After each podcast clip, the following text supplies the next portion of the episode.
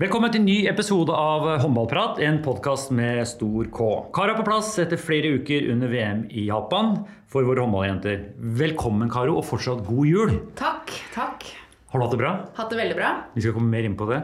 Vi skal selvsagt litt innom VM i Japan, men hovedfokuset denne gangen det blir håndballguttas EM, som starter i Trondheim 9.1. Derfor kunne vi ikke fått en bedre gjest enn sjefen sjøl. Velkommen, Christian Berge. Takk, takk. Nyter du jula, eller er det kun EM i, i, hatten om dagen? Nei, Det blir mye EM. Man sitter jo med de siste forberedelsene. Eh, man prøver selvfølgelig også å nyte det eh, sammen med familie. Eh, mye god mat, men også mye jobb. Har lagt på deg, eller? Jeg skal prøve å ta det av, i hvert fall igjen til mesterskapet. Vi skal innom følgende i denne episoden. Litt om håndballjentenes VM i Japan. Cupfinalen 29.12., som er den store dagen for norsk klubbhåndball. Forberedelsene til herre-EM. Vi skal innom troppen, vi skal innom målsetning, selvsagt, og selve mesterskapet. Karo, ja. langtur i Japan. Hvordan var det under mesterskapet så langt borte? Det var uh, veldig gøy. Selvfølgelig utfordrende med tidsforskjell i forhold til å skulle ringe hjem til familien, men det var et spennende land å være i, så det var mye å gjøre utenom eh, de tidene man uh, var på jobb. Vi som satt hjemme, vi så jo TV-bildene. Var det litt sånn litt nedtur, særlig sånn innledningsvis og mellomspill i forhold til uh, publikumsoppmøte? Det var ikke så mange i arenaen. Det var faktisk flest på de kampene som gikk klokka tre, for da inviterte de masse skoleklasser. Så da var det fullt av uniformskledde skolebarn. Så da var det god kok. Men dessverre på Norges kamper så var det ikke så mange. Så det var fint med de tilreisende fra håndballens venner. De skaper jo alltid liv. Kristian, eh, hva syns du om de norske prestasjonene til slutt? Vi kom jo til en semifinale, men eh, da ble det fort to tap. Ja, ble vel kanskje litt avkledd i den semifinalen, eh, hvor Spania spiller et forsvarsspill som utfordrer angrepsspillet til Norge i, stor grad, syns jeg. Veldig mange tekniske feil og får trøbbel med å finne gode løsninger. Eh, men en sånn en, fjerdeplass med det, et helt nytt uh, lag, eh, det er innafor det, altså. Helt klart. For det var sånn, eh, kanskje, sånn som jeg følte det, og mange andre føler det samme, var at vi hadde litt lave forventninger inn i mesterskapet pga. de utfordringene laget hadde. Men så går det såpass enkelt til en semifinale, så da skrudde jeg opp forventningene. Så ble man litt, litt, litt skuffa at de ikke tar en medalje til slutt, Karo. Ja, det er klart at uh, semifinale, hvis man uh, hadde snakket om det på forhånd, så ville i hvert fall jeg sagt at mye skal klaffe. At det er muligheter, men at det er mye som skal gå Norges vei. Og så fikk de jo veldig bra samspill og, og bra spill etter hvert, som gjorde at de kom til en semifinale. Og i hvert fall sånn som Spania Spania spilte de tre siste kampene før de møtte Norge, så hadde jeg stor tro på at Norge skulle klare å, klare å ta og slå dem. Men eh, Spania gjorde en fantastisk god taktisk kamp og tok Stine Bredal ut av kampen. Og da ble det litt for lite ellers og litt for lite samspill, og da var det enkelt for Spania å, å slå dem. Men det var veldig gøy å se Spanias forsvar i denne kampen, og hvilken taktikk de la ut ifra de norske spillerne. Hadde det helt vært mulig å tippe den, de finalelagene i en finale? Nederland mot eh, Spania, hvis man skulle tippe på forhånd? Mm, ja, kanskje ikke Spania. Jeg nok, uh, hadde ikke satt penger på det. Uh, jeg hadde satt dem på Russland, skal jeg være helt ærlig. jeg syns det var et vanvittig bra lag, med spennende typer. Nederland har alltid vært blant de tre-fire beste, så de, at de kom seg dit, det var ikke noe overraskelse. Så, men, men, Spania var en, en overraskelse for meg, i hvert fall. Eh, som hele tida vokser og vokser inn i mesterskapet. Og det er man gjerne ønsker da, når man leder et lag, at de blir bare bedre og bedre. Og det, det ble Spania. Var du overraska at eh, Frankrike røyket såpass tidlig? Ja, de var jo den eh, favoritten jeg hadde som jeg trodde skulle gå helt til topps. Men det viser jo bare nok en gang at et lag er ikke noen spillere på et papir. At lag er lagspill og hvordan man får det beste ut av hver enkelt spiller. Så det var skuffende at de ikke gikk videre, men det var gøy å se at nye nasjoner tar steg. Og at Nederland er i en semifinale, det er egentlig ikke veldig overraskende. De spilte sin sjette semifinale på seks år, så det er solid. Eh, at Spania etter tolvteplass i EM i fjor kom så langt, det var overraskende. Men samtidig veldig gøy, for de skal jo tross alt arrangere VM om to år. Så det er gøy for, for sporten der og engasjementet inn i et VM på hjemmebane. Absolutt. Men da konkluderer vi med at vi er fornøyd med jentenes fjerdeplass, tross i alle utfordringer. Det var en plass høyere enn fjorårets uh, mesterskap mesterskap. Mm. Og vi håper at vi får på plass en del jenter til eh, når vi skal spille OL-kvalik og nytt mesterskap.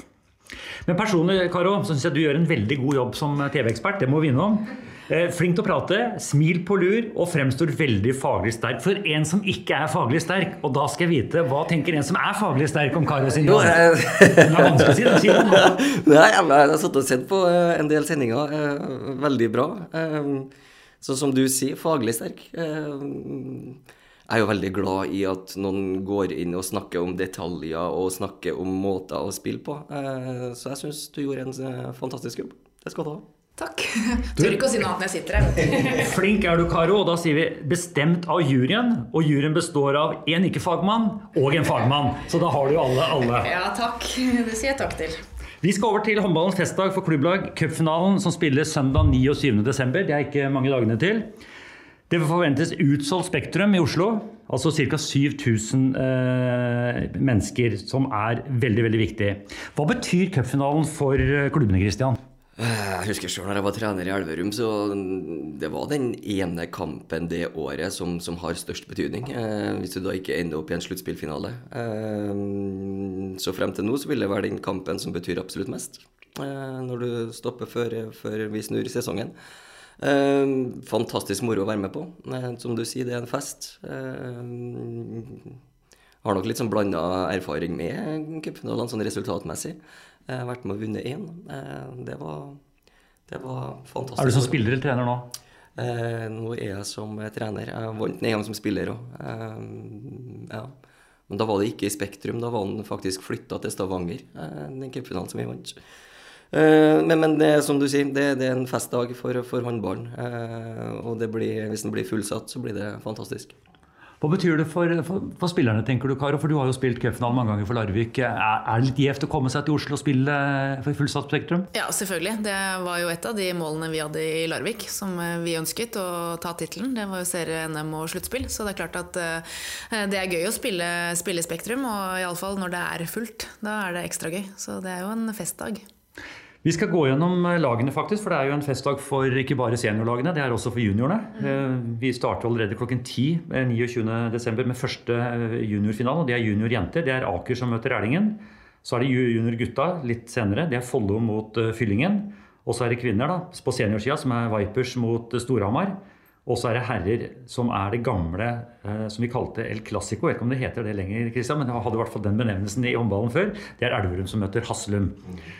Eh, fine finaler. Eh, nå er det sånn eh, Elverum, unnskyld, med Storhamar møtte jo Viper som de gjorde i fjor. Der er mange som mener at vi har litt sånn varme og kalde kuler, og så får de to beste lagene til finalen. Men det er jo sånn ofte at de beste møter hverandre til slutt òg. Nå skal vi tippe litt. Anne.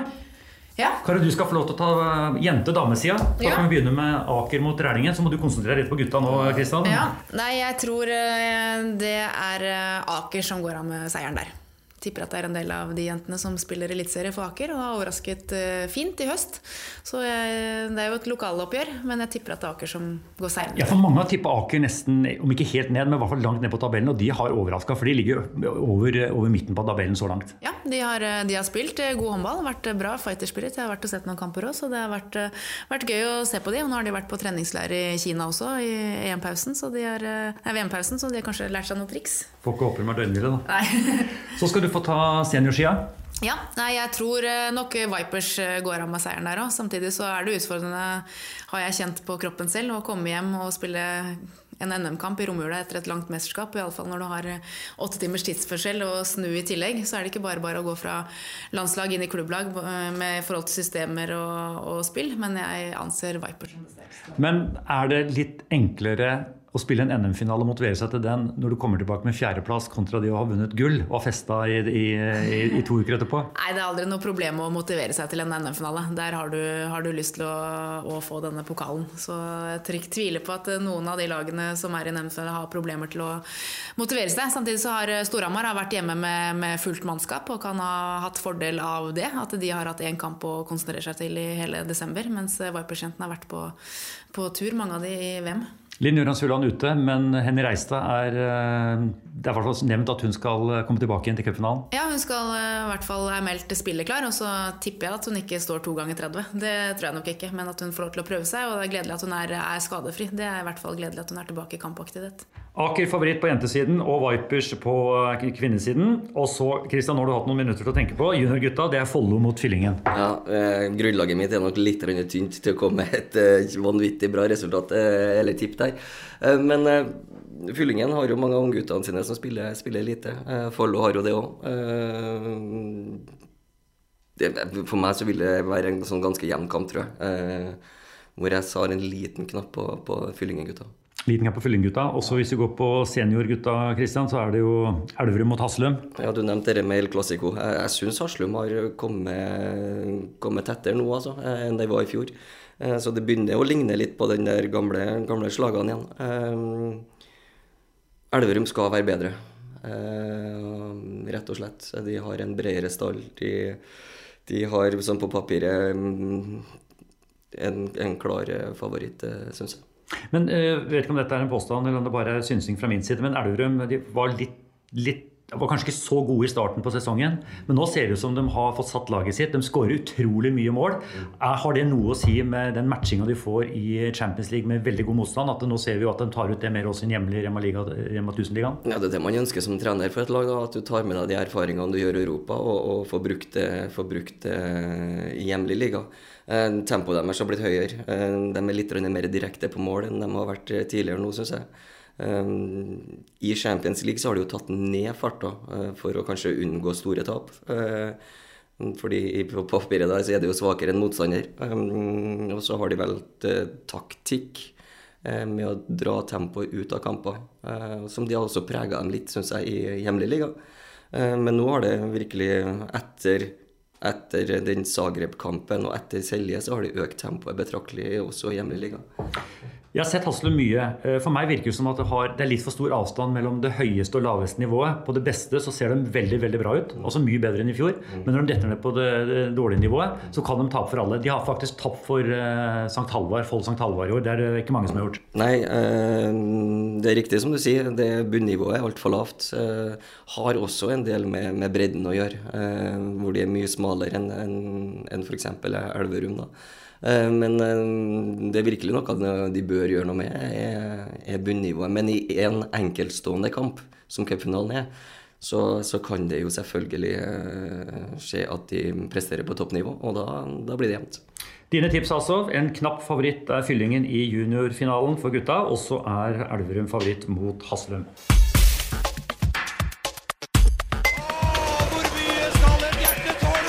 Resten av denne podkasten skal handle om EM. Vi skal ha EM på hjemmebane i januar, og det er det ikke lenge til. Vi snakker dager. Hvordan har du brukt høsten Christian, til å forberede seg til det store mesterskapet her? For dette er stort. Ja, det her blir moro. Eh, vi har jo forberedt oss godt. Eh, vi har prøvd å hente av marginer der vi syns vi mangler. Eh, Børge Lund som har drevet mye sterkere oppfølging av, eh, av forsvarsspillet eh, og de spillerne ute i, ut i de forskjellige klubbene. og dette der tror jeg det ligger en betydelig margin, fordi forsvarsspillet vårt var ikke optimalt i perioder under forrige mesterskapet. også en del angrepsspill som, som ikke var godt nok. F.eks. så var vi det dårligste laget i undertall blant de åtte beste. Eh, hvor vi lå på en uttalingsprosent på 32 eh, noe som er altfor lavt. For, for, vi spiller jo egentlig seks mot seks, for vi tar jo ut målvakter. Um, sett veldig mye på den, eller den fasen av spillet. Um, så har vi sittet og analysert motstandere. Vært på reiser rundt og besøkt spillere. Og så har jeg vært i Skjøvde og trent sjøl, rett og slett. Uh, har skygga treneren til til Skjøvde Jonas Ville eh, gjennom eh, tre kamper. Eh, for å prøve å få fingerspissfølelsen tilbake. For å ta nettopp det, Føler du at du er da mye bedre forberedt nå enn om du bare hadde vært en type landslagstrener og ikke fikk lov å være på gulvet med spillere og, og, og kampforberedelser? Jeg kom til mesterskapet i 18 i Kroatia, hvor jeg ikke gjorde det her. Og jeg syns at det tok lang tid for å ta beslutninger. Jeg tenkte veldig mye på beslutningene før de egentlig kom. Uh, trent opp til 19. Jeg Syns at det var mye bedre da. Uh, og så håper jeg at det skal være like bra nå. Uh, gjennom å få trent, eller få stått på gulvet da, og få lov til å delta, som jeg fikk lov til i, i Skjøvde, så, så, så, kommer du jo inn i i, i, et lag. Du får lov til å stå rett til detaljer i forhold til angrepsspill. Snakke med spillere. Det er jo det man ønsker å gjøre hele tida. Og så fikk vi intens, intens, intensivisert det. det. Nei, kanskje ikke. Ja, nærmere, ja, i hvert fall. Opp til, opp til mesterskapet nå. Og det, det kjennes bra ut, i hvert fall. Hva tenker du om forberedelsene til Kristian snakker om her, Karo? Du som nå er TV-ekspert. Ja, ja, jeg tenker at Det høres veldig fornuftig ut. det At man, eh, man tar det å være på gulvet eh, i, i, hverdagen. fordi det er klart at eh, når man kommer i et mesterskap og har vært på samling i oktober, man, eller, og Golden League da, selvfølgelig, men at man, man ønsker å, å kunne være, være, flink. For at én ting er å sitte og se video og snakke med spilleren, en annen ting er faktisk være ute på gulvet. Og det blir jo fort god kok når det begynner i mesterskap og åpningskamper og det å spille et mesterskap på hjemmebane. Da er det mange andre ting som kan ta, ta energi og fokus, og da er det godt at uh, han er godt forberedt og har vært på gulvet, for det er jo der han skal være. Høres trygt og godt ut. Kristian, eh, du nevner også mange klubbbesøk. Um, hva får du ut av det, og er det noen konkrete ting du leiter etter? Eh, ja, men bare litt tilbake til, til det å sitte og se på video hele tida. For det, det er jo det jeg gjør mest som landslagstrener. Eh, du blir veldig ofte kreativ, altså. Eh, for det, det, gjøres mye klokt ut her. Eh, og, og, da står jeg i fare for å være for kreativ når, når samlinga starter. I forhold til ting du ønsker å legge til til, til laget. Ja, betyr det at du ikke har god nok tid i den perioden du har laget til å implementere alt det de ideene du får? Det tror jeg ville vært veldig dumt av meg å ha gjort. Ja. Eh, fordi vi trenger å, å trene på grunnsteinene i, i, i, systemet vårt. Eh, men når jeg drar rundt og besøker spillere, så er det jo å se eh, hvilken form de er i. Snakke litt med dem i etterkant i forhold til, til hva vi kan gjøre for å få det optimalt opp til mesterskapet. Ehm, treningshverdagen. Eh, da går vi gjennom eh, sånne ting som vi prøver å tilrettelegge for at vi skal prestere godt i, i januar. Du, ser, eh, du har svært mange utenlandsproffer. Hvor mange kamper ser du gjennom en uke? Oh, det er mange, altså. 15-20 kamper. da. Så da låser du inn på gutterommet, og så ser du håndballkamper? Ja, det er jo det som er litt kjedelig her, at de går jo på kveldstid, disse kampene her. Eh, sånn at det blir jo Ja, eh, det blir mye video, altså. Eh, og jo mer jo, jo, jo nærmere jeg kommer mesterskapet, jo, jo mer vil du jo se. og så får jeg jo tilsendt alle klipp fra Kjelko på prestasjonene til våre spillere. ikke bare A-lagsspillere, men også de som vi har med i eh, tett på-gruppa, som vi kaller det. De, som, de største talentene våre hjemme her. Betyr det at eh, de, de, som er nærmest landslag og de som er faste landslagsspillere, får de tilbakemeldinger fra deg og landslagsledelsen etter hver klubbkamp? Ikke bare fra sine egne trenere, men også fra dere? Ja, eh, spillere gjør nok for det meste det, ja. Og så er det jo ulikt hva de A-spillerne ønsker. og Noen ønsker jo tett, tett dialog, og noen ønsker kanskje ikke det. Så det er jo litt sånn avhengig av, av av hvem det er, skulle jeg si. Eh, rett og slett. Eh, men, men, en del av spillerne eh, snakker vi veldig ofte med. Det var utenlandsproffene. Vi må litt innom Rema 1000-ligaen også, Kristian. Utviklingen der. Du henter altså inn tre spillere fra denne ligaen i troppen din. Hva sier de om ligaen her hjemme? Eh, begynner å ta virkelig steg, syns jeg. Eh, det er jo et klart fyrtårn i, i Elverum eh, akkurat nå. Kolstad har kommet etter og ønsker å bygge noe, noe stort. Eh, flere klubber drives bedre profesjonelt, eh, rett og slett. Eh, en treningshverdag som er, som er veldig bra. Og så har jeg sett på de, de spillerne som William Aar, Blons og, og Øverjordet, som vi har hatt med oss på samling. Spennende typer. Øverjordet var god under sist samling. Taktisk veldig smart. Eh, William Aar har en litt annen rolle. Eh, har en mer skytterrolle. Eh, og så Alexander, som, har, som starta litt trøblete i, i Elverum, men det er kanskje forvent når du kommer til en ny klubb. For så å, å, å være veldig god inn mot, mot slutten her tenker du om eh, Rema 1000-ligaen, Karo? Følger du noe særlig med på det? Og du ser i hvert fall resultatene, regner jeg med? Ja, ja det, jeg får med meg litt. Grann, så jeg syns det er eh, fint for, eh, for, ligaen at noen av spillerne som spiller ligaen, blir tatt ut til mesterskap. Det viser jo at det er mulig hvis man trener hardt og, og er målbevisst. Så, så, kan det også gi en gevinst i form av å bli tatt ut til et mesterskapslag. Så det tipper jeg gir motivasjon til mange av de som spiller Rema 1000-ligaen.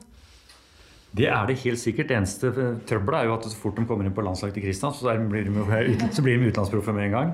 Du, Det har vært satt publikumsrekorder i år i, i Norge. Det ene var eh, dobbel eh, Rema 1000-ligakamp i Trondheim, i nye Trondheim Spektrum. Det var eh, Byåsen-Molde, og det var Kolstad mot Drammen på over 7000 mennesker. I tillegg så må vi heller ikke glemme at Elverum har møtt eh, Flens, ikke Flensby, det var Paris, i Håkonshall med over 12 000 mennesker.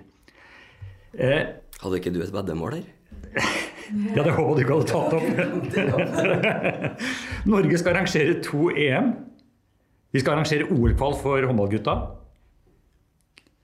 Er det litt håndballfeber i Norge?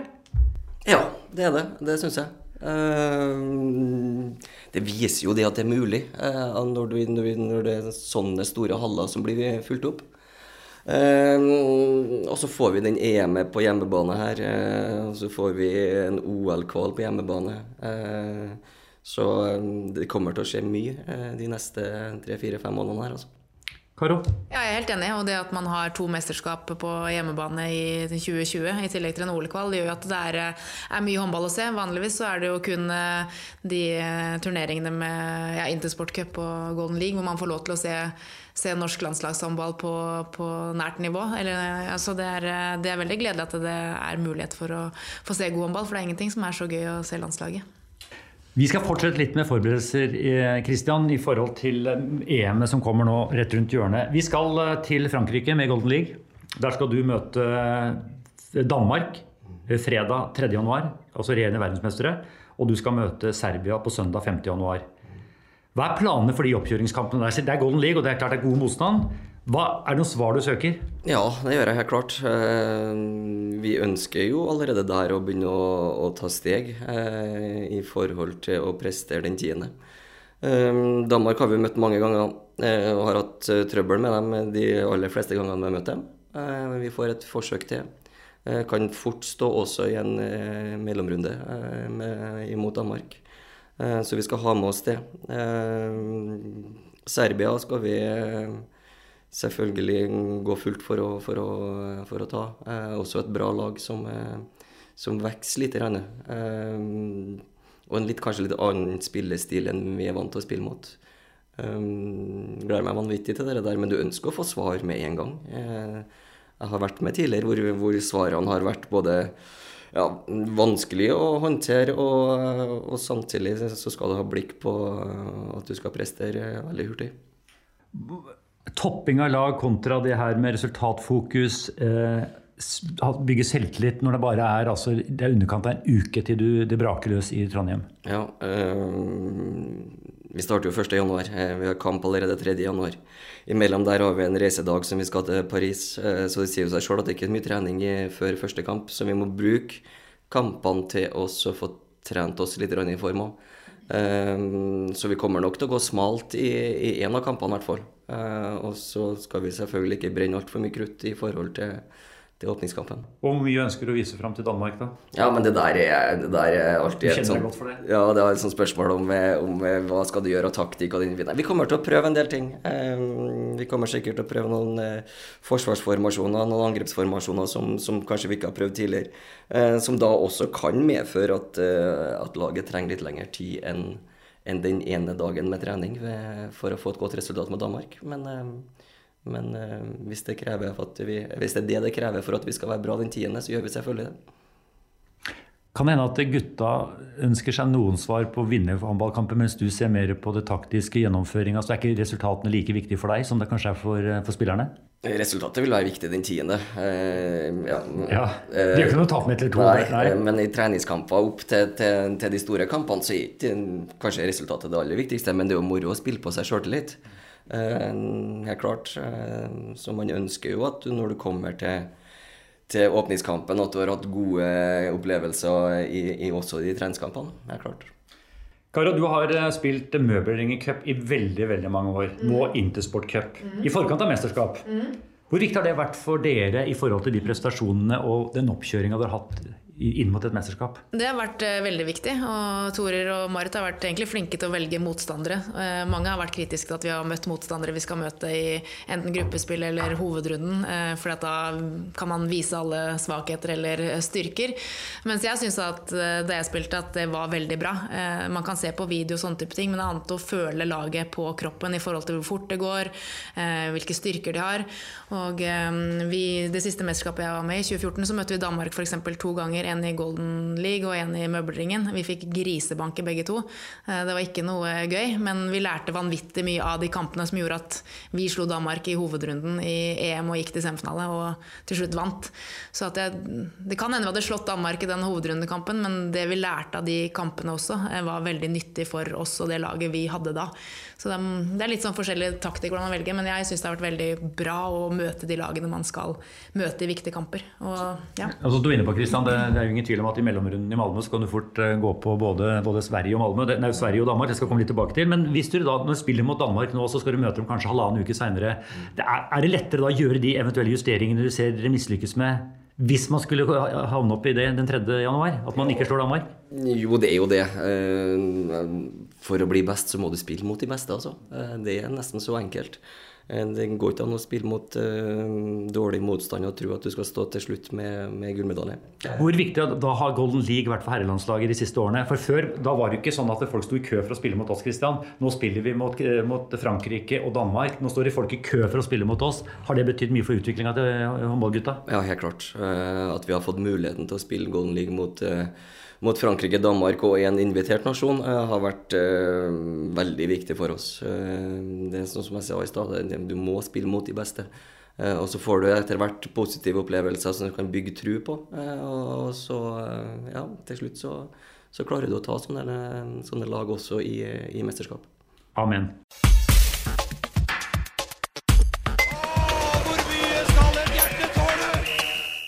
Vi fortsetter. Nå skal vi inn eh, på selve mesterskapet, og vi starter med troppen du har valgt ut. Eh, vi går på keepere. De er Torbjørn Bergerud, som spiller i Flensburg. Det er Espen Christensen, som spiller i Minden. Og så har du valgt Kristian Sæverås, som er i Aalborg.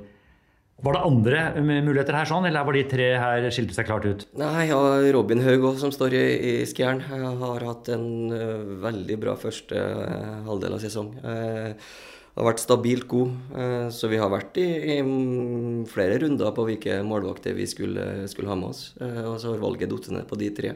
Tar med tre fordi at det, det skjer veldig mye eh, frem til august. Og da tror jeg vi trenger å allerede innarbeide tre målvakter i forhold til ja, kultur, mentalitet eh, og den biten der. Kan det hende at vi får se tre målvakter i en tropp en gang? Jeg kommer bestandig til å bare ha to målvakter med deg i, i, i kamptropp? Jeg kommer bare å ha to med i kamptropp. Det handler om eh, tydelige roller og, og, den biten der. Jeg tror det kan bli veldig uryddig med, med tre. Hva tenker du om, Det er jo ingen tvil om at målvakter er viktig i eh, mesterskap. Vi så jo nå med, i, i, VM for damene også. Vi hadde en fantastisk målvakt i starten. Det ble mye på henne. kanskje litt, og det, jeg, jeg, skjønner jo, For meg så tenker jeg er det veldig slitsomt å stå i mål. Men de jobber jo å stå på tå og holde på, og det er vel sikkert veldig mentalt slitsomt. Hvor viktig er det å ha gode målvakter når du går inn i et mesterskap, eh, Karo? Det er selvfølgelig, som hvert vi nevnte før VM startet, at uh, keeperen er ofte den viktigste spilleren på et lag. Og, og det er utfordrende. Det er ikke bare bare for keeper keeper å stå i mål. Det tror sånn som Bermansen tror at de bare går inn i mål og, og skal prøve å redde en ball her eller der, men det handler veldig mye om forberedelser. Eh, det å kartlegge skyttere. Når du har kartlagt et lag, så skal du bli kvitt det laget og gjøre deg klar til et nytt lag dagen etter. Så det er vel så mye det å være mentalt klar. Eh, så eh, de gangene Norge har gått til topp, så er det med en veldig god målvakt. Så det er klart at det er betryggende å ha en god målvakt bak der, som gjør at du kan spille godt forsvar og vet at kommer det et skudd forbi, så har du en som kan stå redde. Er det sånn enkelt å si at Torbjørn Bergerud er klar nummer én-målvakt hos deg når mesterskapet starter, eller kan det svinge? Han starter som nummer én. Ja. Det var eh, keeperne. Unnskyld! Målvakter, det er viktig å ta. Og så skal vi ta venstre kant. Der har vi en ringrev med Magnus Jøndal, som også spiller i Flensburg. Og så er Alexander Blons, det er jo ikke noe ringrev, men er unggutt. En stortalent. Spiller for Elverum. Eh, fornøyd med kantene dine, Christian, og det var, eh, det var, sikkert ikke et enkelt valg, for vi har jo en Sebastian Barthold som uh, har gjort det veldig bra for Aalborg. Ja, helt klart. Eh, det var et vanskelig valg i forhold til, til, å ta ut de to som vi vil ha med oss. Barthold har vært veldig god i, i Aalborg. Eh, Blons sleit litt i starten, som jeg sa. Eh, Magnus Jøndal er en, en klar ener for meg. Eh, både defensivt og offensivt. Eh, og så sto valget mellom de to andre. Eh, og da datt det egentlig ned på, på detaljer. Altså. Eh, vi satt og diskuterte veldig små detaljer i forhold til hvem som skulle være med oss. Og så ble det Alexander Blondes. Jeg har sett håndballandslaget veldig mye de siste årene, og det er ingen tvil om at Magnus Jøndal er en fantastisk kantspiller. Og så er han jo bank i bordet aldri skada. Hvis det var en som det var 50-50 og man var klar til kampene, kunne du tenkt deg å valgt annerledes da? Ja, det ville jeg nok eh, kanskje ha gjort. Eh, ja, eh, mulig. I diskusjon med resten av teamet så, kanskje det hadde sett annerledes ut. Jøndal.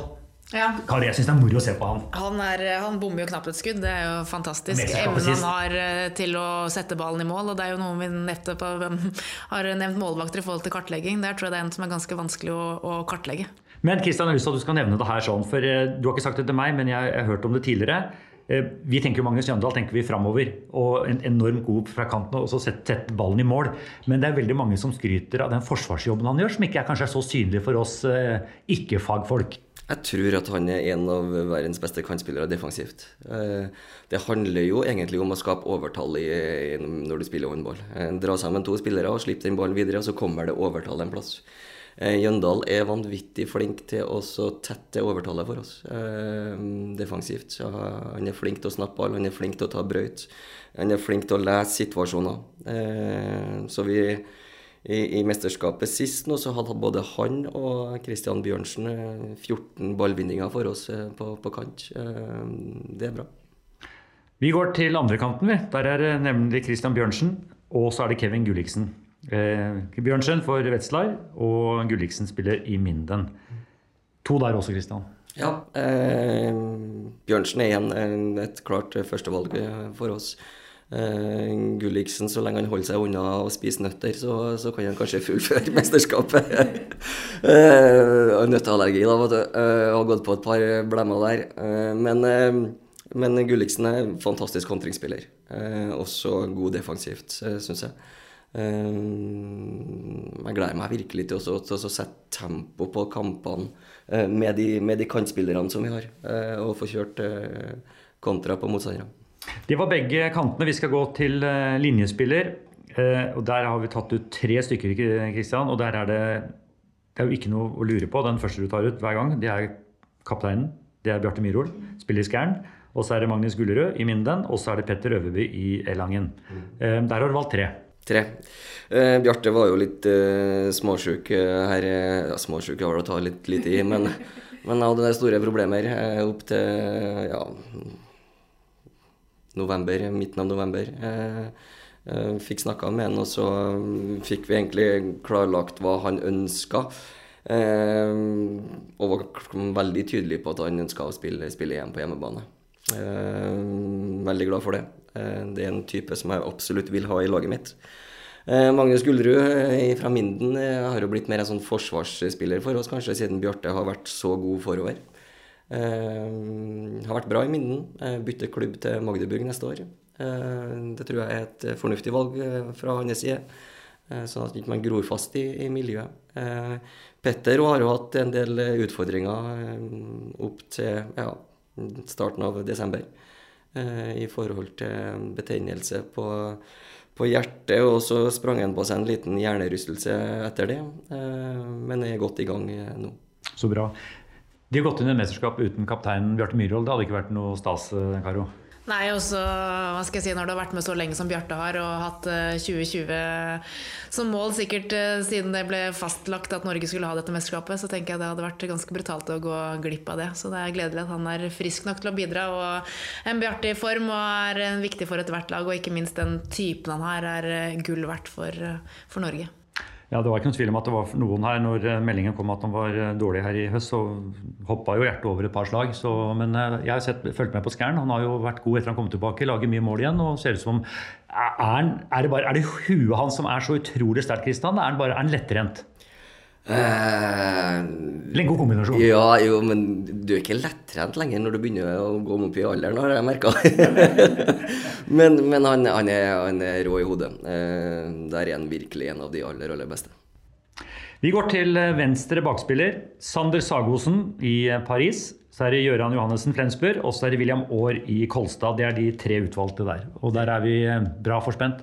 Ja, eh, Sander har jo vært eh, fantastisk. Fikk en liten skade i, opp til samlinga i oktober. Valgte å ikke bruke den i, i samlinga. Fikk restituere og trent godt. Og har kommet virkelig godt tilbake, syns jeg. Eh, det er jo han som kanskje alltid legger det første presset til PSG, eh, hvor de andre følger på. Så han har en veldig sånn krevende rolle i PSG som tar veldig mye krefter. Eh, så vi må endre det, den måten å spille litt på i forhold til, til mesterskapet. Eh, men en, en, spiller som er ja, absolutt i ypperste verdensklasse. Jeg, nå skal jeg prøve meg med en liten sammenligning. Og det kommer sikkert til å drite meg ut ordentlig, men jeg tar sjansen. Eh, Sander har jo alt. Mm. Han kan være playmaker, han kan, han kan, spille også i midten. Og så har han bra skudd. Mm. Så ser det ut som han er veldig flink til å kaste ballen Når jeg sier kaste, da sier vi sentre i rett øyeblikk. Dra på seg folk også, eh, og, og, og kvitte seg med ballen i rett øyeblikk. Nederlandske Pullman. Mm. Hun syns jeg har noe av det samme der. Er, det, er jeg helt på bærtur nå? Nå tenkte jeg bare en liten sammenligning. Ja, men jeg ser det trynet ja, men jeg, jeg, ser ikke jeg, jeg, klarer ikke å se det sånn som du ser det. Eh, men, eh, men det du sier om Sander, er, er riktig. Eh, jeg husker sjøl når jeg ble kjøpt til, til Flensburg fra Viking. og så havna jeg i, i, diskusjon med treneren, eller diskusjon, en samtale med treneren om hvorfor han kjøpte meg. og da sa han at du spiller ballen på riktig tid til medspiller. Eh, hvor jeg sjøl trodde at jeg var en god spiller, men han, det var det som var det beste med meg. Eh, der er også Sander flink. Eh, og han får alltid ballen fra seg. For det er et spill som ikke vi vanlige TV-seere er så oppmerksom på. ikke sant? For Den drar på seg ofte to-tre spillere, og så slipper den i riktig øyeblikk til spillere som kommer i fart på ved siden av han eller bak eller overalt hvor de kommer hen. Ja, det, det er mye det handler om, da. I heroinballen så er det du får, du får ikke til å lage gode situasjoner på ballfart. Du må gjøre det med, med fysikk og, og teknikk. Eh, og så må den ballen videre. Eh, der er han en av de absolutt beste. Men, men du ser sammenligningen? ja, det er jo viktig med, med gode ballfordeler i ethvert lag. Det er jo Noen ganger det er det vanskeligste å gjøre den nest siste pasningen. At den ofte kanskje ikke får så mye skritt. Eh, noen ganger så kan det enkleste være å sette ballen i mål. Og det er som Kristian nevnte i stad, at håndball handler om å skaffe et overtall. Og når du har de gode spillerne, og spesielt med Sander, da, som er vanvittig til å dra på seg to spillere, men også har den evnen til å faktisk få ballen videre, eh, da skaffer du et overtall. Eh, og det er superviktig med sånne spillere. Og det er ikke alle som legger merke til det. for de fleste flesteparten som sitter hjemme, sitter og ser på og teller opp de som skårer flest mål. Vi kan være enige om at Polman var god i mesterskapet? da? Hun ble MVP, så det er klart at hun var, eh, var veldig, veldig god. Og virkelig vesentlig bidragsyter til at Nederland eh, tok VM-gull. Da går jeg bare videre. Ja, gå sånn, videre du. Midtback eller midtre bakspiller, hva dere måtte kalle det. Christian O'Sullivan spiller i Magdeburg. Og så er det Sander Øverjordet som er veldig ny Christian. Han var med deg for første gang i, i Danmark i oktober. Har kun to landskamper. Eh, Sullivan er jo en ja, Det var ikke så vanskelig å finne ut at du skulle ha med han, men Sander Øverjordet kom kanskje som overraskelse for noen, med tanke på at han har så få landskamper fra før. Mm, så jeg kom tilbake til det. Jeg skal bare gå gjennom Gøran Johannessen og William Aar. Ja, du skal det, og du vil det òg, ja, ja, det skal du få lov til. Ja, uh, Gøran Johannessen har vært moro å følge, følge i uh, utviklinga i, i, Flensburg. Uh, fantastisk eksplosiv spiller som, som, bare blir bedre og bedre. kommer til å bli en av de aller beste hvis han holder seg skadefri. Eh, en vanvittig utvikling det her, det her, året, og det skal han også ta med seg inn på, på landslaget. Um, og så kommer William Aar, som um, da vil være en, den der kanskje læregutten i forhold til, til, å bygge en rolle på et senere tidspunkt. Um, spennende fysikk, spennende skudd. men, men vil nok ha en rolle som kanskje uh, ikke tilsier veldig mye spilletid. Så kan vi ta Sander Rødjordet. Fordi, fordi, Nei, det var som jeg var på samling sist. Jeg, jeg likte de taktiske valgene hans. Eh, må jobbe mer fysisk i forhold til å bli bedre, større og sterkere. Eh, han har gjort det, eh, og skal gjøre det selvfølgelig fremover. Men det, det ligger noe i den gutten der som er spesielt. Som vi kan bygge noe på. Um, og han kommer nok til å stå en del ute på banen der i, i løpet av det mesterskapet her òg. Det er litt spennende å få fram nye spillere da, som overbeviser, og du tar med deg inn i en EM-tropp også, som egentlig ikke så mange hadde tenkt var aktuelt for et landslag. Ja, jeg, jeg syns det er moro, for det gror godt, altså. Det er mange spillere som, som vi har vært innom og diskutert eh, i forhold til en tropp. Eh, så det har vært eh, det har vært utfordrende å ta ut den troppen her denne gangen. Eh, og så er det jo Sølven, som, som, er kanskje det klokeste håndballhodet jeg har møtt. Eh, I forhold til taktiske disposisjoner. Og, og den biten eh, det går an å løse motstandere på. Han er smart, og så er han en vanvittig god playmaker. Og sikkert det fra faren sin som var gammel skihopper i ungdomsdagene. Han har med. Vi skal videre, vi. Høyre bakspiller. Magnus Abelvik Rød, Flensburg. Harald Reinken, Kiel. Og Eivind Tangen-Skern. Kan du gå gjennom de, Kristian? Og to av dem var i troppen i fjor. Ja, det var jo Harald også, men han kom jo inn da i fjor etter uttaket for at den gangen også Kent Robin Tønnesen måtte ut med skade. Ja, ja Kent Robin er jo uaktuell denne gangen og i, i form av skade. Eh, Magnus Rød eh, har spilt en vanvittig bra sesong for, for Flensburg. Eh, vært litt eh, småskada, hadde utfordringer med det. Eh, fått litt bedre belastningsstyring på, på, på han. Eh, hans makker på høyreback i klubb, da, Glandorf, ble skada veldig tidlig. Så han har stått ja, nesten to ganger 30 i hver eneste kamp. Og da blir det jo litt mye sånn når de har Champions League oppå klubb, eller oppå seriekamper og cupkamper. Men jeg har fått litt bedre styr på det. Jeg har prestert godt. Jeg kommer også til å prestere godt i, i EM. Harald Renken har vært riktig god i Kiel. Eh, det er litt moro etter at han hadde en litt laber sesong i fjor. Christian. Du ikke tok ham med i mesterskapet fra uttaket. Han har, han har virkelig eh, tatt rev i seilene. Ja, eh, men det er noe spesielt med Kiel og vinnermentalitet. Når du kommer dit, så, til den klubben, så, så, så, så, skjer det noe ekstra. og det har også skjedd med, med, Kiel, det, nei, med Harald. Og det, det, er mange eksempler på at det skjer der. det er noe kultur i, i den klubben som, som gjør til at prestasjonene kommer. Uh, og med Harald så har det kommet til gangs. Jeg har vært virkelig god opp til nå.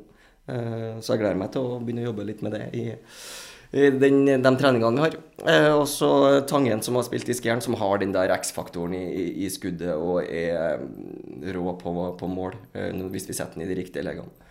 Og så har jeg lekt litt med tanken om å flytte en av de som midtback i perioder for å, for å avlaste litt. Renne. Litt moro å høre på Christian når han nevner eh, Kiel med den vinnermentaliteten. For jeg har nemlig lest boka hans. Ja. Og det, beste, eh, det, det, laget han elska å slå, ja. det var Kiel. Ja, Det er vel det for de fleste lag, tror jeg. Men jeg synes det er veldig spennende at han sier at han har lyst til å prøve venstrehendte midten. Eh, det er ganske uvant for Forsvaret å møte. Jeg har jo stått mye høyre toer i forsvar. Da er du ganske vant til å møte bare høyrehendte. Og du kan stå på en helt annen måte, fordi at du vet at det kommer sjelden skudd hvis det kommer en over midten den veien.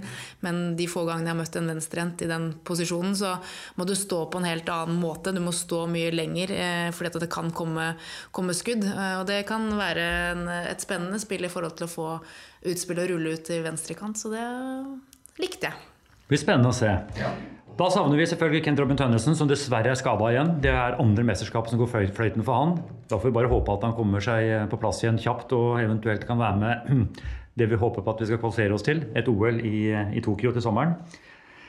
Så er det kanskje noen Vi var inne på Sebastian Barthold, som du sa var veldig nærme en venstre kantrolle. Og så er det kanskje noen som savner en som har vært med i en jeg holdt på å si en mannsalder, men det er Espen Lie Hansen. Han kom jo hjem til Norge for å uh, bli klar til mesterskapet, men det, det klarte han altså ikke. Uh, nei, han fikk litt for dårlig tid uh, i forhold til å sette preg på, på sine prestasjoner. Da. det tok men det, men det ser bedre ut nå. Eh, og har hatt en prat med Espen i forhold til, til um, hva han satser mot, og hvordan han ønsker å trene, og den biten der. Eh, og det er en spiller som, som jeg håper vi får nytte av i, i fremtida. Stå på, Espen. Du er største styrken til denne EM-troppen? Uh, ja, det, det, skal bli spennende å se. Nei, Vi ønsker jo å være det verdens hurtigste lag. Uh, vi ønsker å spille hurtig, vi ønsker å kontre. Eh, men, men, jeg tror nok kanskje at vår aller største styrke er, er samholdet i laget. Eh, vi trives når vi er sammen. Eh, og det er avgjørende når du skal være samla i ja, 28 dager hvis vi går hele veien. Når du sier at du vil være det hurtigste laget, dere også har vært det hurtigste laget på damesida i mange mange år, Karo. Er, betyr det at det, da er vi avhengig av målvaktsredninger, og at Forsvaret står godt for å få de overgangene eller kontingene som dere er ute etter? Eller, ja. eller som Jøndal, rappe ballen litt? Ja, ja vi, vi, er avhengig av mye. Eh, du må ha marginer. Eh, men, men et tøft forsvar, eh, så har du ofte ei god målvakt. Så, så, det handler mye om den biten der, altså. Vi har alltid laga ganske mange mål når vi har spilt. Eh, fordi vi spiller så hurtig, så blir det mange angrep. Eh, vi har tidlige avslutninger. Eh, og så må vi få, få, stå tøft bakover. Vi trives nok bedre med motstandere som, som jeg kaller maskinmotstandere.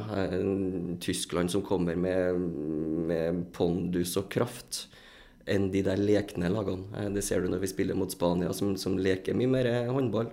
Eh, så er vi mer komfortable med, med krafthåndball, altså. Eh, så vi prøver å, å finne måter på å også stå bedre mot de lagene som, som, eh, som er mer tekniske som Slovenia og de, de nasjonale der. Når du var inne på Tyskland her, så var det jo en fantastisk semifinale i Hamburg i mesterskapet i januar.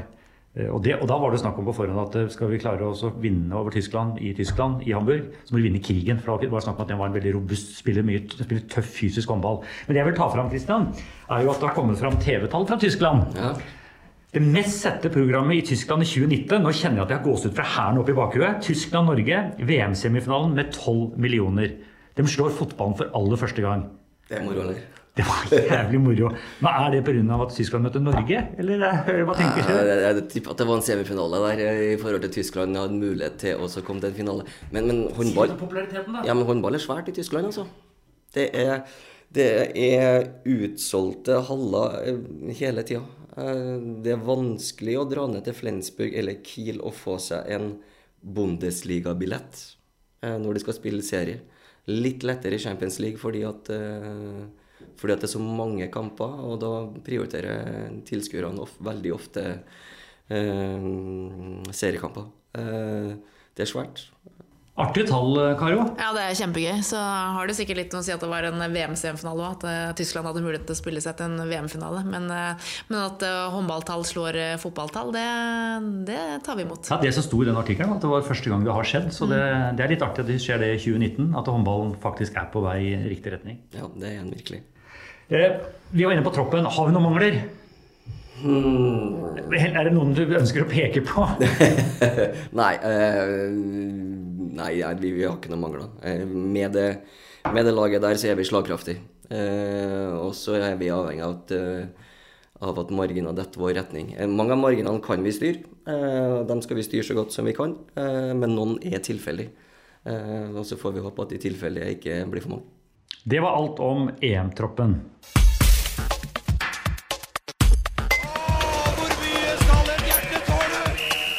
Vi har snakket om det tidligere, men hva betyr det å spille EM på hjemmebane? Og kanskje spesielt for tre av dere. Det er William, det er Sander og det er sjøl, for dere er fra Trondheim. Og vi skal spille tre kamper i Trondheim. Hva betyr det? Uh, jeg gleder meg. Uff, jeg gleder meg. Det, det, har så mye adrenalin i kroppen i forhold til å få starta uh, det, det, det, mesterskapet. Uh, så skal vi passe på at inngangen til, til kampene er, er, på riktig hva heter det for noe? At du er i riktig mentalitet når du starter kamper. at det ikke er for høyt spenningsnivå. Men, men, om vi er fra Trondheim eller andre plasser i Norge, så er det vel kjempesvært å få spilt inn på hjemmebane, tenker jeg. Karo, hva tenker du? Er hjemmebanemesterskap. Vært ja. med på det? Ja. Nei, Det er jo helt fantastisk. Det er jo ikke så mange ganger du får lov til å spille landskamper på hjemmebane. Og det å få et mesterskap det skjer jo ikke veldig veldig ofte. Misunnelig du nå? Jeg ble veldig misunnelig. Vi spilte jo i 2010. Så da vant vi. Nei, ikke press. press. Eh, nei, det er jo det å få lov til å spille på hjemmebane. Det å være i vante omgivelser, spise den maten man er vant til å spise. Ikke måtte reise tidsforskjell, alle de tingene der. Det er ganske mange plusser som det er verdt å, å ta med seg. Og det er jo bare å, å glede seg. Det er mange fordeler å mesterskap på hjemmebane, Kristian, men er det noen ulemper? Det kan jo være det. Eh, vi har aldri hatt det før. Eh, men i forhold til, til mm, media, masse oppmerksomhet Alt det der må håndteres på en måte som kanskje vi ikke har vært oppi før. Eh, vi skal være tilgjengelige, men vi skal ikke være tilgjengelige hele tida. Eh, det tror jeg nok er en, en, utfordring i forhold til, til, til laget, da, eh, fordi vi har ikke vært i den situasjonen tidligere. Så det skal vi passe på at vi gjør riktig. Og så råder jeg deg til å vinne masse kamper, for det er alt mye enklere. Det er ofte det, ja. Ja, så er det utfordrende i forhold til at man vil jo tilfredsstille egentlig alle, og så etter kamp, når du er eh, x antall tusen i hallen som har lyst på autograf og bilde og, og sånne type ting, så har man jo lyst til at de skal få sitt, men samtidig så er det jo tette kamper, og man skal ha restitusjon, så at man har hva skal jeg si, eh, riktig å, å, å gjøre det ordentlig, sånn i forhold til å hindre smitte og alle de tingene der. Så det er noen sånne ting som, som man ikke eh, hva skal jeg si, er, er noe man vanligvis har, men som er egentlig et pluss, men som man må ta hensyn til. da. Vi skal litt inn på selve målsettingen til mesterskapet. Kristian. Du er altså en av få som tør å snakke om gull. Og du har sagt at eh, jeg skal være med å vinne gull med norske landslaget. Er det der lista ligger? Ja, den gjør det. Eh, Jeg har vanvittig lyst til å være med å vinne gull. Eh, Laget er slagkraftig nok til at vi kan eh, stå eh, og komme i nærheten, i hvert fall. Eh, Og når vi først er i nærheten, så har du mulighet til å ta den. Eh, Så vi har ikke hatt noen sånn felles målsetning ennå, ja. men at eh, muligheten er der. Ja. Jeg har jo hørt f.eks. en Sander Sagosen uttaler seg at det, det er bare én målsetting, det er å vinne gull. Ja, Sander er jo der. Eh, han, tør å, han tør å si det der. Eh, og han mener det òg, eh, ikke noe tvil om det. Eh, han liker veldig offensive mål og går etter dem. Og så skal vi eh, se hvordan det her blir. Hva liker en spillergruppe spillere å høre om målsetning, og hva motiverer dere som spillere, Karo? Nei, jeg tror jo alle som stiller til start i et mesterskap, drømmer om gull og har lyst på gull. Og, og det er jo viktig med tro i et lag. Og jeg tror jo i hvert fall, jeg kan jo bare snakke for damelandslaget, men jeg tipper det gjelder det samme for herrelandslaget. At de går på banen og tror de kan slå absolutt alle. Jeg tror ikke de går på banen og tror at i dag taper vi, for da har du strengt tatt ikke noe der å gjøre. Godt poeng. Hva gleder du deg aller mest til, Kristian? Så å, å komme i gang, Ja. rett og slett. Eh, Dere møter gutta Er det 1. januar, eller er det kommer til Trondheim? Eller er det... Nei, det er 1. januar eh, som ligger i hodet mitt akkurat nå. Eh, hvordan eh, den første treninga er. Jeg skal bli moro å se guttene igjen. Eh, og så skal vi nok ta det på å bli bedre utover. Eh, men, eh, men som sagt, det er masse adrenalin i, kroppen i forhold til å få komme i gang. Du er ikke be- bekymra for nyttårsaften som kommer dagen før? Nei, det det for meg så er nyttårsaften nesten en helt vanlig dag. Eh, og det har det vel blitt mer og mer for, for gutta nå, eh, som skal møte på samling dagen etterpå. Ja, og for dem kommer det veldig viktige ting veldig kjapt på nyåret. Du, Vi skal se litt på mulighetene våre. Vi møter Bosnia 10.1. Vi møter Frankrike 12.1. Og vi møter Portugal 14.1. Alle de kampene går da i gruppespillet i Trondheim. Kristian må spørre deg, Skulle vi tape for Frankrike, må vi trolig slå Danmark og Sverige i Malmö for å gå til en semifinale. Er Frankrike-kampen en, en tidlig nøkkelkamp? Eh, hodet mitt eh, ligger til Bosnia. Altså. Der er jeg ganske kjip. Eh, fordi at eh, det er utfordrende nok å møte Bosnia i en åpningskamp. Eh, det er kanskje ikke så mange som eh, tenker at Bosnia er en stor håndballnasjon, eh, men de har spillere ute i de beste klubbene i Europa, de òg. Eh, målvakta til, til Flensburg. Så det er, det er en spennende åpning vi skal gjennom. Eh, og så vil jo selvfølgelig Frankrike komme og være en liten nøkkelkamp. Eh, så skal vi møte Portugal, som har tatt noen vanvittige steg eh, i det siste året. Som slo Frankrike eh, i kvalik opp til det her mesterskapet. Så det er tre nasjoner som, som krever mye fra oss. Eh, så det er ikke bare Frankrike som, er, som vil være nøkkelkamp. Så det er ikke bare å melde seg på her. Det er langt derifra. Nei, Det er tøffe kamper, og det skal det også være i et mesterskap. Men det var jævlig mye kjedelige svar fra landslagssjefen. Det er vel sånn det er, Ja, det er sånn, det er neste, neste, neste kamp er den viktigste. Men Karo, hvordan tenker du opp? Vi har altså Bosnia, vi har Frankrike og vi har Portugal i, eh, i gruppespillet. Det gjør jo ikke noe å ta med seg eh, I ideell verden så tror vi kanskje at eh, vi tror Ja. at Frankrike og Norge går til, til mellomrunden. Mm. Og da hadde du ikke gjort noe om vi hadde med oss de to poengene mot Frankrike. Nei, nei, det er Nå snakker vi alltid- som for, Ja, ja. om han vil eller ikke. Nei, nei, Det er alltid greit å ha med seg flest mulig poeng inn i, inn i en mellomrunde og være i førersetet. Samtidig så er det jo ingen lette kamper i et EM. eh, Og i hvert fall ikke noen åpningskamper. Det har jo historien vist tidligere. Og det å skulle spille en åpningskamp mot et lag som alle tenker at egentlig ikke som Norge skal slå lett, og spille en kamp på hjemmebane man har gleda seg til i ja, gud, jeg vet ikke hvor mange år man har gleda seg til den kampen. Det kan bli mye på, én en gang, så jeg tenker at det er veldig smart å være være til stede og være at det er den kampen som gjelder, og ikke tenke om at det er Frankrike den 12. januar, selv om alle andre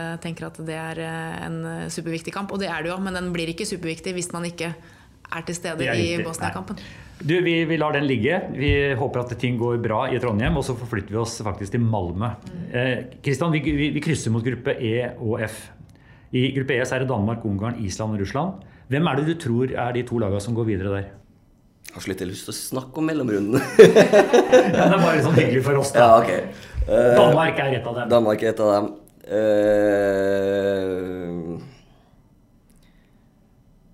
Nei, jeg, jeg, jeg, nei, jeg skal ikke sitte og jinxe noe. Nei. Men da tok du Danmark, det er greit. Ja. Eh, Karo, da- da- hva tenker du? Som jeg ekspert? Du kan velge mellom Ungarn, Island og Russland. Ungarn, Island, Russland, ja. Nei, det er jo spennende lag, det òg. Ungarn er jo sånn lag som er veldig bra, og så plutselig kan de spille kjempedårlig.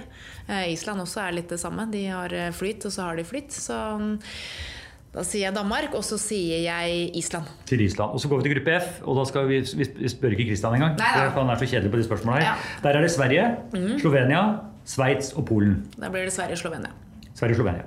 Men det er Polen også er jo ganske god, da, så det er ganske vanskelig Ja. pulje. Det er litt Og- sånn hvem som møter hvem i hvem rekkefølge og sånn. Der, da. der kan jeg skyte inn noe. Ja. Skal du være med nå? Ja, jeg kan være med. uh, Sveits vil vil være spennende.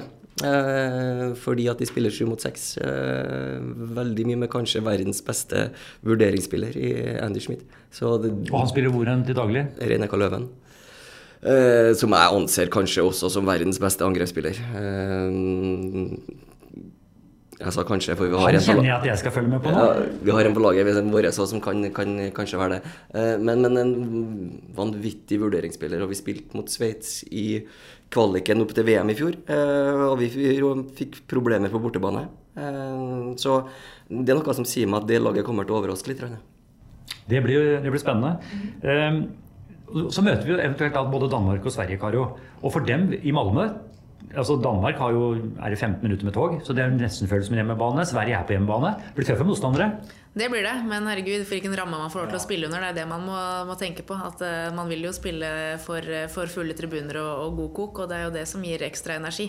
Så man bare leker som at de heier på Norge. For de som lytter på dette her, da, så de kampene der de går fredag 17. januar, så skal vi spille en kamp. Vi spiller søndag 19. januar, tirsdag 21. januar og onsdag 22. januar. Det er mellomspillet i Malmö. Eh, Du ønsker ikke å snakke om det, Karo og jeg kan gjøre det. Vi har, jo, vi har nemlig hodet helt fram mot søndag 6. januar. Da er det finale i Stockholm, Ja. og den går på Tele2 Tele2 Arena med 20 000 eh, publikummere. Det blir gøy! Det blir gøy. Med Norge. Med Norge, ja, ja, Norge de snak, snakker og tør å snakke om gull, så det er klart at det hadde vært eh, stor stas. Den største gulroten for dette mesterskapet her, tenker jeg at selvfølgelig det er jo stort å vinne eh, EM-gull, for all del, men jeg tenker at den største bonusen i dette mesterskapet her er jo å få direkteplass til et OL. Så det er eh, det jeg heier på. Men da, for, for direkteplass så er det ikke så mange. Da har vi, vi skal enten vinne mesterskapet, eller så må vi bli nummer to bak Danmark. Så, så en finale uansett, Kristian. Høres greit ut. Men du var inne på gull tidligere i dag. Du, Vi fortsetter litt. Ranne. Eh, 18 i troppen. Når bestemmer du deg for de 16 utvalgte? Er det, gjør du det tidlig, eller ligger du på været i forhold til treningene helt inn til kampdag? Nei, det var ikke så veldig mange bytter, sånn at du kan fære bytte ut spillere inn og ut. Eh, Sånn at um, jeg har nok allerede en tanke om hvordan jeg ønsker det skal være.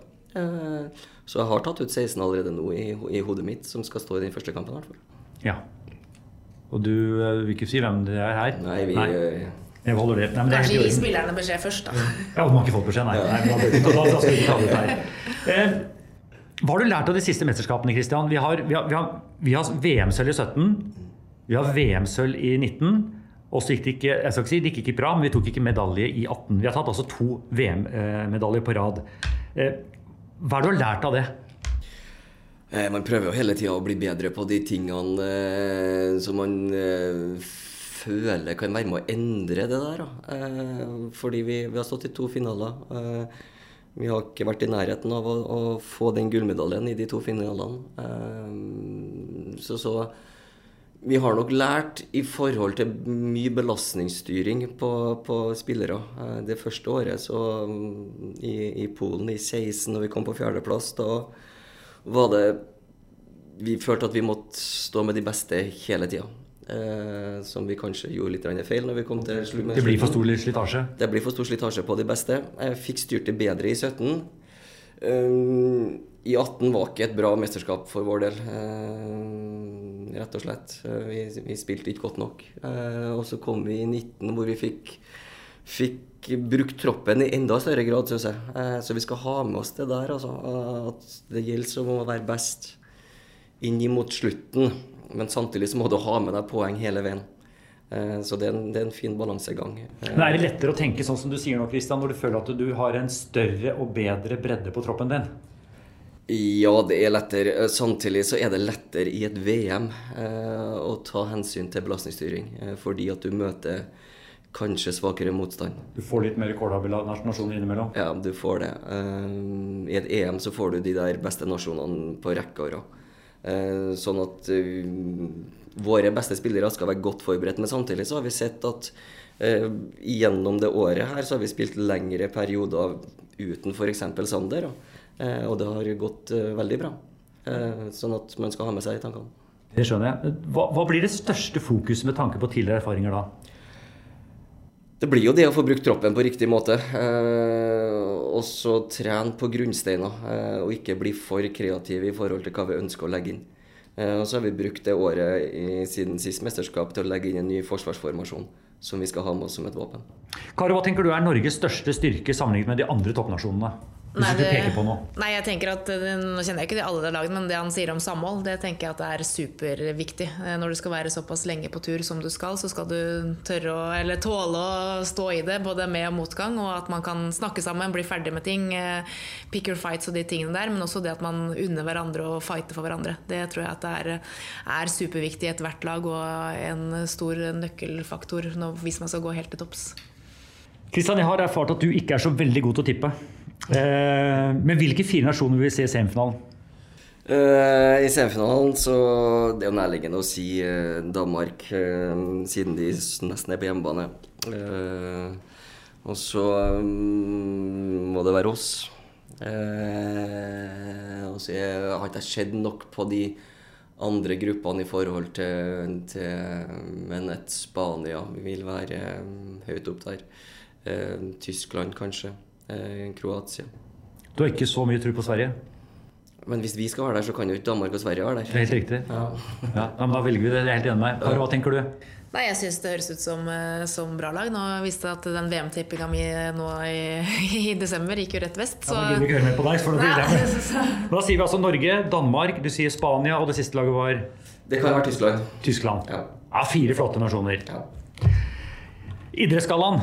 Mm. Norge, tre nominasjoner, Christian. De er vi stolte av. Årets trener er du nominert til. De er jo uh, takket være en flott jobb og ikke minst uh, VM-sølvet. Årets lag, årets navn med laget. Litt gåsehud her igjen. Artig. Ja, det er moro, det. Eh, det bekrefter jo at du gjør noe, noe bra. Å bli nominert som årets trener syns jeg er litt, litt merkelig. Hvorfor det? Fordi at å stå alene nominert som årets trener når du har det teamet bak deg. Ja, men Da kan du heller stå på talerstolen og si at du kan skryte av teamet ditt. For Tror du f.eks. at Lars Lagerbäck blir nominert til årets trener hvis han tar sølv i et VM-fotball eller EM-sølv i fotballaget med Norge? Eller tror du ikke han blir nominert?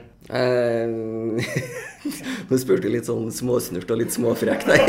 Du hørtes forbanna ut. Eh, jo, han blir sikkert det. Eh, men, men det jeg prøver å si, er at at liksom, vi hadde ikke vært der hvis ikke alle sammen hadde gått i riktig retning. Eh, både spillere, resten av teamet, forbund, alle sammen. Eh, som, som ønsker at vi, vi skal prestere og, og, stå øverst. Det er riktig, Kristian, men samtidig må du ta til deg at du er sjefen i det laget. Og du får kjeft når det går dårlig, og du må ta til deg litt av skryt når det går bra også. Ferdig snakka. Hva tenker du, Karo?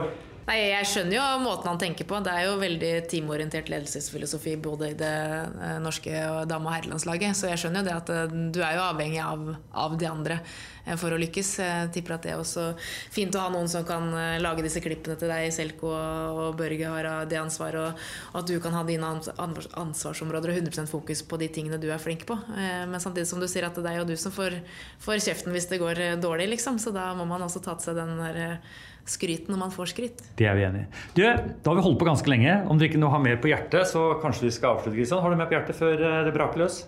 Nei, jeg syns vi har fått snakka mye nå. Ja. Ja. Karo? Nei, jeg tenker at uh, dere bare skal kose dere. Kose dere med oppgaven og glede dere. Og nyt å få lov til å spille mesterskap på hjemmebane. Det tenker jeg at det er, det er det aller aller viktigste. For noen ganger så blir man så, så, opphengt i alle arbeidsoppgaver, og det er superviktig. Men at man må huske å, å kose seg med oppgaven også, når man står der på 20 ganger 40 og god kok i arenaen. Jeg har opplevd noe der. Eh, vi har en, en god lege med oss, eh, Thomas Thorvaldsen. Jeg sto i mesterskapet i Frankrike. Eh, og så etter finalen da, så skulle vi få medaljen vår. Og så fikk vi utdelt sølvmedaljen. Du pottesur, da? Ja, Så sto jeg der, og så gikk Frankrike opp, og så kom det 'We are the champions', og så smalt det litt i taket. Og, og så sto de og jubla, og så sto de så jævlig lenge. Så jeg begynner å sutre når jeg står der med sølvmedaljen rundt halsen. Og så sier jeg Nei, men nå må det begynne å bli ferdig snart, også. Og så ser han legen på meg, så sier han ingenting. Og så begynner jeg å sutre litt til. Nei, nå får vi komme oss i garderoben, sier jeg. Så sier han legen til meg Du, Kristian. Hvor ofte har du vært med på dette her, du òg? så, så det, det, det, gjelder så det òg, altså. Ikke, bare, ikke, bare, neste oppgave med en gang. Eh, så der har vi blitt, eh, har vi blitt flinke. Ja, Det er gode ord. Men til alle lytterne, fortsatt god jul og riktig godt nyttår. Vi ønsker også finalelagene igjen lykke til. Kristian, tusen takk for at du eh, tok deg tida i en veldig travel hverdag. Både med jul og ikke minst EM-forberedelser. Det setter vi veldig pris på. Og ikke minst lykke til med å sikre oss vår første EM-medalje for herrer noensinne. No pressure. Takk. Takk til deg, Karo, som alltid stiller opp. Takk for oss, og vi høres igjen på nyåret. Igjen godt nyttår.